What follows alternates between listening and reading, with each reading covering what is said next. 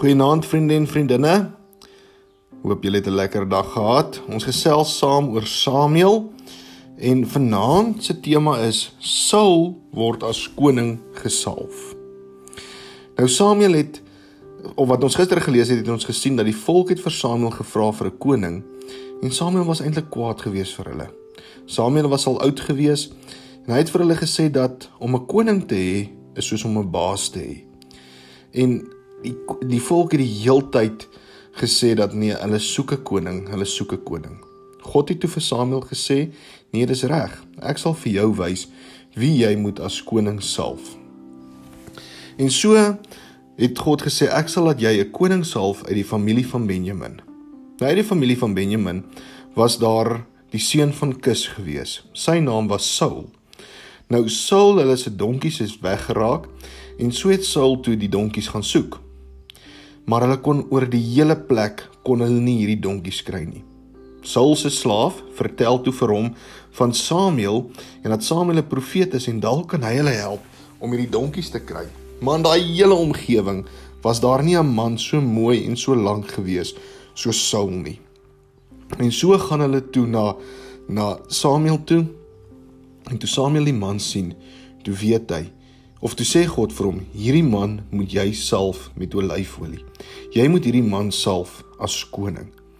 En so het Samuel toe vir Saul gesalf as koning oor die Here Israel. Hy het vir hom gesê: "Gaan huis toe, Saul, jou donkies is al klaar by die huis. Jy het nou 'n groter taak wat op jou wag. Die hele volk Israel wag vir jou om hulle koning te wees."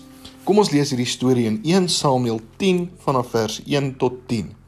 Nadat die slaaf vooruitgeloop het, het Samuel 'n kruik olie gevat en dit oor Saul se kop uitgegiet, hom gesoen en gesê: "Die Here het jou tot regerder oor sy besitting gesalf.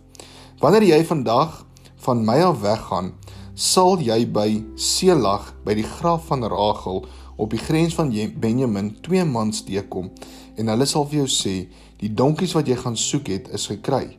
Maar kyk, jou pa het die saak van die donkies al laat vaar. Hy is bekommerd oor julle en vra: "Wat kan ek omtrent my seun doen?" En wanneer jy daarvandaan verder gaan, sal jy by Elon Tabor kom. Daar sal jy drie mans teekom wat na God in wat na God in in in in Bethel opgaan. Die een sal 3 uh bokkies dra, die ander een 3 ringborde en die derde een 'n kruik wyn. Hulle sal vra hoe dit met jou gaan. Dan sal jy hulle jou twee brode gee en jy moet of dan sal hulle jou twee brode gee en jy moet dit dan van hulle af afneem. Daarna sal jy uitkom by Gibea van God waar wagposte van die Filistyne is. Wanneer jy die stad binnekom, sal jy op die groep profete afkom. Hulle sal van die hoogte afgaan onder 'n begeleiding van harpe, tamboeryne, fluitte en liere en hulle sal as profete optree. Dan sal die gees van die Here kragtig in jou werk.